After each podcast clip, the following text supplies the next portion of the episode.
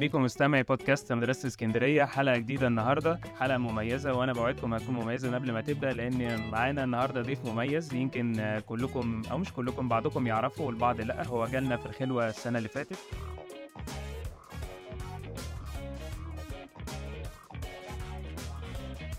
وكلمنا عن التربية الجنسية وإزاي أفهمها بالشكل المظبوط وإزاي الجنين بيتكون. وهو النهارده معانا أستاذ ناجي يا أستاذ ناجي؟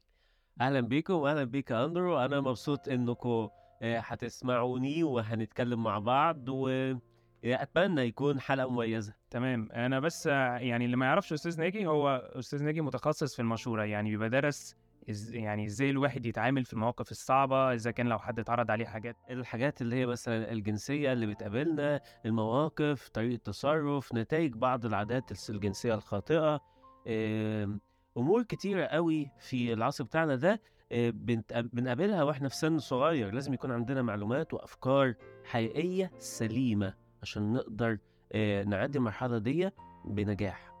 تمام خلينا نخش في الموضوع على طول. يلا بينا. الحلقة النهارده بعنوان مواقع السيكو سيكو. مواقع السيكو سيكو. وما هي مواقع السيكو سيكو اللي تقصدها أنت؟ هي مش محتاجة يعني أعرفها نفسها كويس. okay okay. بس خليني أسأل كده إن إحنا نتفرج على المواقع الإباحية أو المشاهد الإباحية حتى اللي في الأفلام العادية ليه غلط أصلا؟ يعني ده سؤال أنا مش بأذي حد أنا بتفرج وبستمتع ومشهد لطيف وبحبه وبيحسسني إن أنا مبسوط.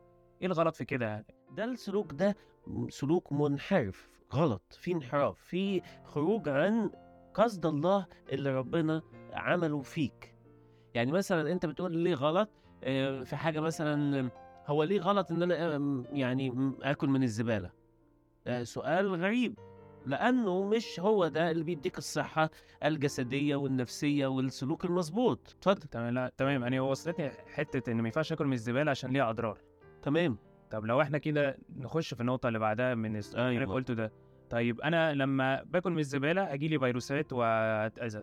طب دلوقتي لما أنا أتفرج على المواقع الإباحية دي نفسيا نفسيتي وجسديا هيحصل لي إيه؟ إيه اللي هيحصل جوايا آه يبقى في أضرار كتيرة قوي أول حاجة مفهومك عن آه، جسمك هيتلوث ويتغير. تاني حاجة مفهومك عن علاقتك بعد كده بالآخر أو لما تكبر في الزواج. هتلاقيه متلخبط وملوث ومش هيديك فرح. الأضرار النفسية اللي بتقع عليك إنه الإنسان مخلوق على صورة ربنا يعني جواه آه، صورة ربنا اللي هي بتقبل القداسة وترفض الشر. فهتلاقي نفسك أنت شاعر بالذنب لأنك دخلت في سكة مش هي دي المفروض تعملها. وهتلاقي نفسك إنك قاعد عمال تخبي نفسك وأنت بتتفرج على حاجة زي دي. طب انت ليه بتخبي نفسك؟ صح سؤال حلو. آه، سؤال بسيط قوي. ليه بتخبي نفسك؟ لأنه عارف داخليا حتى لو محدش قالك إن الأمر ده غلط إن الأمر ده مش حسب صورة الله اللي اتخلقنا عليها فأنت بترفضه. فهتلاقي مشاعر الخوف مع مشاعر الذنب شعور بالذنب إن أنت آه، غلطان إن أنت عملت حاجة مش المفروض تعملها إن أنت أسأت في في جسمك. آه، آه، أعضائك اللي هي موجودة عندك دي أنت استخدمتها في غير مكانها وبطريقة غير آه، الطريقة الغير سليمة. فأنت لما تستخدم أعضائك أعضاء جسمي في في في غير موضعها أو بالطريقة الغلط طبعا الأعضاء دي هتتأثر مع المدى الطويل لأن ما بتعملش ال- السلوك بتاعها في الوضع المناسب والوقت المناسب. تمام. يعني نقدر نقول مثلا الخوف مع الإحساس بالذنب ده دي دي جوانب نفسية. على المدى البعيد هتحس يعني هوصل ليه في الموضوع ده بقالي كتير. فالخوف بيفضل جوايا وإحساس الذنب ده عمال يتراكم جوايا يتراكم يتراكم يتراكم. تراكمات من الأحاسيس دي على مدى بعيد. هيعمل إيه؟ هيعمل فيك شخصية متراجعة تشعر بالخزي. لوحدك كده. تلاقي كده الشخص اللي بيبقى عايش في قداسة وبيرفض الشر تلاقيه عنده شخصية قوية وعنده مبادرة. أما الشخص اللي بيقعد يعبي بقى خوف وذنب بتلاقيه متراجع فتلاقيه مش ناجح قوي فتلاقيه ما عندوش ثقة بنفسه. تلاقيه إنه بيدخل في الحاجات وتركيزه وقدرته وشخصيته إن هو يقدر يعمل لأ أقل. شعور الذنب والخوف مع بعض. يعملوا حزن ويعملوا كده إن أنا عايز أخلص من المشاعر دي فابتدي أروح مدور على اللذة فأروح داخل تاني متفرج على حاجة تديني لذة فأشعر بالذنب والخوف أكتر فيروح مدور على حاجة تانية تغطي على شعور الذنب والخوف فيروح مدور على لذة وتفضل الدايرة بقى الإيه تلف في ال... في, ال... في الدايرة الإدمانية افضل طول حياتي في متلخبط خالص، الدايرة. متلخبط هفضل طول. حياتي بين الخوف بين الخوف و- آه. ودايرة وشغالة وهكذا جمعيه ودايرة عشان يزيد آه دايرة وت... لازم تكسر الدايرة دي وتطلع منها وبعدين هتلاقي إنه العلاقة دي أو الطريقة أو ال- الطاقة الجنسية اللي فيك هيجي وقت بتاع الزواج فهتلاقي لما يجي وقت الزواج أول ما ت... يعني أول ما يكون ال... الوضع سليم والوقت سليم هتلاقي إن أنت عندك خبرات ملوثة فده ممكن يأثر عليك في الزواج يتعبك خليكش تعيش الواقع بطريقة وتفرح بطريقة سليمة لأن أنت عبيت ارتبطت هذه المشاعر بالخوف. والندم والشعور بالذنب. فتلاقي نفسك مش فرحان قوي زي الشخص اللي حوش عاطفته وحوش مشاعره. الموضوع ده يفكرني أكتر بواحد قطف منجاية مش في الموسم بتاعها. هيكون طعمها عامل إزاي؟ آه. ممكن نسألهم هيكون طعمها عامل إزاي. بالظبط. هتبقى مرة. فلو اخدت حاجة قبل ميعادها آه، مش هيكون طعمها حلو لكن لما اخدها في ميعادها هتكون مسكرة وحلوة و... ومظبوطة. وتحس إن أنت فعلا بت... بتذوقها ب... مستمتع. ويا ريتني كنت سبتها فوق. يعني أنا بعد ما قطفتها يا ريتني كنت سبتها كانت كبرت وبقت وبقت طعمها حلو لكن أنا قطفتها لا أنا استفدت ولا ومش هيكملها ومش هيفرح بيها. بالظبط. كده زي بالظبط لما ادخل على المواقع الإباحية.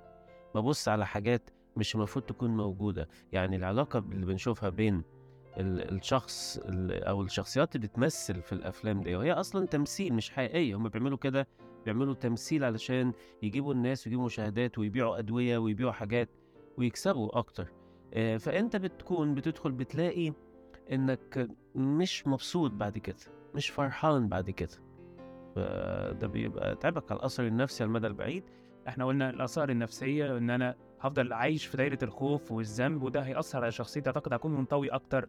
أعتقد بيبقى ليهم الطبع المنطوي آه. أكتر. منطوي أكتر منعزل أكتر. أكتر. آه، طاقتي هتبقى بدل مش رايحة في حاجة بتبني رايحة في حاجة آه، بتحزني وتتعبني. فبدل ما أستخدم الطاقة اللي عندي الطاقة الجنسية دي هي طاقة إبداعية بتخلي الإنسان يشتغل ويبدع وينجح. فأنت عمال تاخدها وتحطها وترميها في الإيه؟ في الشارع. وتلوث مفهومك. فده طبعا يأثر على المستوى النفسي كبير قوي تمام. نخش بقى على ال- المرحلة الثانية المستوى الجسدي. يعني بنسمع آه. كلام كتير في النقطة دي. أيوه. هل الفرجة على المواقع الإباحية ده هي... هيزيني في جسمي؟ مخي هي... هيضمر مثلا ومش هعرف أفكر كويس؟ آه، الحقيقة في آه، يعني أوهام كتير حوالين الموضوع آه. ده وأنا عايز أكون صادق معاكم. لكن أنا عايز أقول لك إنه أي ممارسة لأعضائنا بطريقة غلط أكيد هتأدي على المدى البعيد إلى إنه ه- هذه الأعضاء ما تقومش بدورها بكفاءة مظبوطة. بس ده اللي أقوله لك. يعني مثلا أنا عايز أقول لك لو إنسان بيمارس ال- الأمر ده بطريقة عنيفة على جسمه ما هو الجسم مش مش كده. فطبعا مع المدى الطويل ممكن يأثر على كفاءة وقدرة الأعضاء دي. أنت لو آه، استخدمت إيدك بطريقة غلط مش في مكانها إيه اللي هيحصل؟ هت... هتبقى تعبان عضلاتها تتعب حركة الإيد مش هتبقى فيها كفاءة مش هتقدر تعمل حاجات بإيدك قي... دقيقة. لكن لو أنت استخدمتها بطريقة سليمة في وقتها السليم بحركتها السليمة هتلاقي إن هي كفاءتها كويسة. إن أعتقد الهرمونات اللي بت... السعادة اللي بتتفرز في المشاهدات دي هي رخيصة. يعني أنا سهل إن أنا أخش على المواقع دي وأنبسط وفي جسمي هيتفرز هرمونات السعادة فمخي يبقى مبسوط. لكن أول ما أجي للمذاكرة عشان أنا أحس بالمتعة في المذاكرة إن أنا أحل مسألة صعبة فدي محتاجة إن مخي يبذل مجهود عشان يوصل لهرمونات السعادة القليلة اللي بتتفرز دي فهاجي مخي يبص إيه إيه إيه هرمونات السعادة تتفرز بسهولة فين في المذاكرة آه. هي بعد معاناة والنتيجة بتطلع في الآخر بكون أجهدت نفسي ولا في الرخيص آه. لو بخش بضغط الزرار بوصل للي أنا عايزه آه. فبالتالي لما أجي أبص المذاكرة ولا المواقع؟ لا المواقع دي بتفرحني أكتر. باجي أذاكر مش عارف أذاكر. ما عنديش صبر للمذاكرة. آه خلاص. خدت على اللذة السريعة مع إن الهرمونات السعادة اللي هي بتتفرز بعد مجهود هي اللي بتثبت أكتر مدة أطول. ده يخليني أتنقل مع حضرتك في نقطة تانية بعد ما اتكلمنا على نقطة الهرمونات اللي في الجسم اللي بتتفرز بكميات زيادة عن اللزوم في مع إن المفروض ما تخرجش بهذه الكميات. فأعتقد ده يقربنا أكتر لفكرة الإدمان. المدمن اللي بيشرب مخدرات مثلا بيدخل لجسمه هرمونات من بره فالجسم اتعود على الكمية الكبيرة دي هو المفروض بيفرز كميات معينة. فيوم ما بيلاقيش اللي جاي من بره ده ما بيقدرش بي- بيبقى داخل في الإدمان. فالسؤال بقى هنا مش سؤال كبير بس السؤال أعرف إزاي أنا دخلت في دايرة الإدمان دي ولا لأ؟ يعني أنا إمتى أقول أنا لو واحد بيسمعنا دلوقتي وهو يعني ممكن واقع في الخطية دي؟ يقدر يقيم نفسه أنا مدمن ولا لأ إزاي؟ أول حاجة هتلاقي إن بعمل السلوك بطريقة قهرية. يعني قهرية قهرية يعني غصب عني بلتجه نحو ناحية السلوك ده وبعمله وحتى في بعض الأحيان ما باخدش فيه اللذة لكن أنا بعمله باستمرار. كل ما أبقى فاضي أفضل أعمله. كل ما وطول المدة وتلاقيني إن أنا زي إيه متعذب كده. مش عايز أعمل وبدخل برضه غصب عني وده بياخد مدة طويلة. فطبعا بعد ده, ده بيبقى كده نوع من الإدمان؟ يعني قصدي حضرتك يعني إرادتي خلاص يعني آه. وأعتقد زي ما بيقول الكتاب المقدس يشربون الإثم كالماء هو بقى بيغلط ومش حاسس خلاص. وبعد كده آه وما عندوش شعور لا بالندم ولا الأمر ده. وبعدين هو بيدخل إيه، يعمل ده وهو مش عايز ومش مبسوط وقرفان من نفسه وقرفان من اللي بيشوفه لكنه برضه مستمر في العمل ده. وعارف إن هو بيضر وبرضه مستمر في العمل ده. لكن في مرحلة إعدادي أنا مش عايزك تحكم على نفسك حكم قاسي في الموضوع ده. لأن ممكن الإنسان يتكعبل كتير في المرحلة دي وده مش معناه إن أنت دخلت يعني في إدمان وحاجة كبيرة لأ أنا بس عايز أقول لك إنك علشان تقدر تطلع من ده أو تنجو من ده تخلي بالك إنه ما يكونش عندك أي وقت فراغ. فأنت خلي بالك أهم من إنك تحكم على نفسك إن أنا مدمن ولا لأ أنا عايزك تبص على الجانب التاني اللي هو إيه؟ إزاي أبقى كويس؟ إزاي أتجنب الأمر ده؟ إزاي حتى لو اتكعبلت أقوم بسرعة؟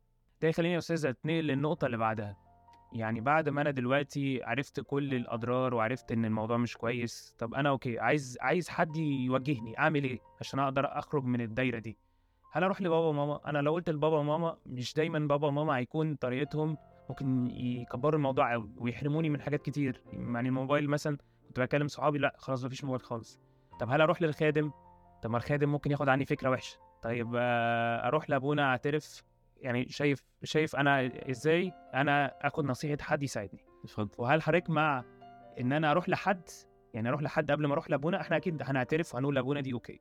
لكن هل أروح لمين بقى في الناس دي كلها؟ آه. هو أول خطوة أنا عايزك إنك تلجأ أول حاجة تصلي. تاخد صلاة قوه صلاة حلوة تقف تقول له يا رب ساعدني. دي أول حاجة. النقطة الثانية إنك تخلي باستمرار ميعاد لاعتراف ثابت. ما يعديش شهر غير لما إيه تعترف. أنت كده بتتكلم مع أبونا. وبعد كده ممكن تختار خادم يكون قريب منك متفاهم معاك ممكن تتكلم معاه يساعدك.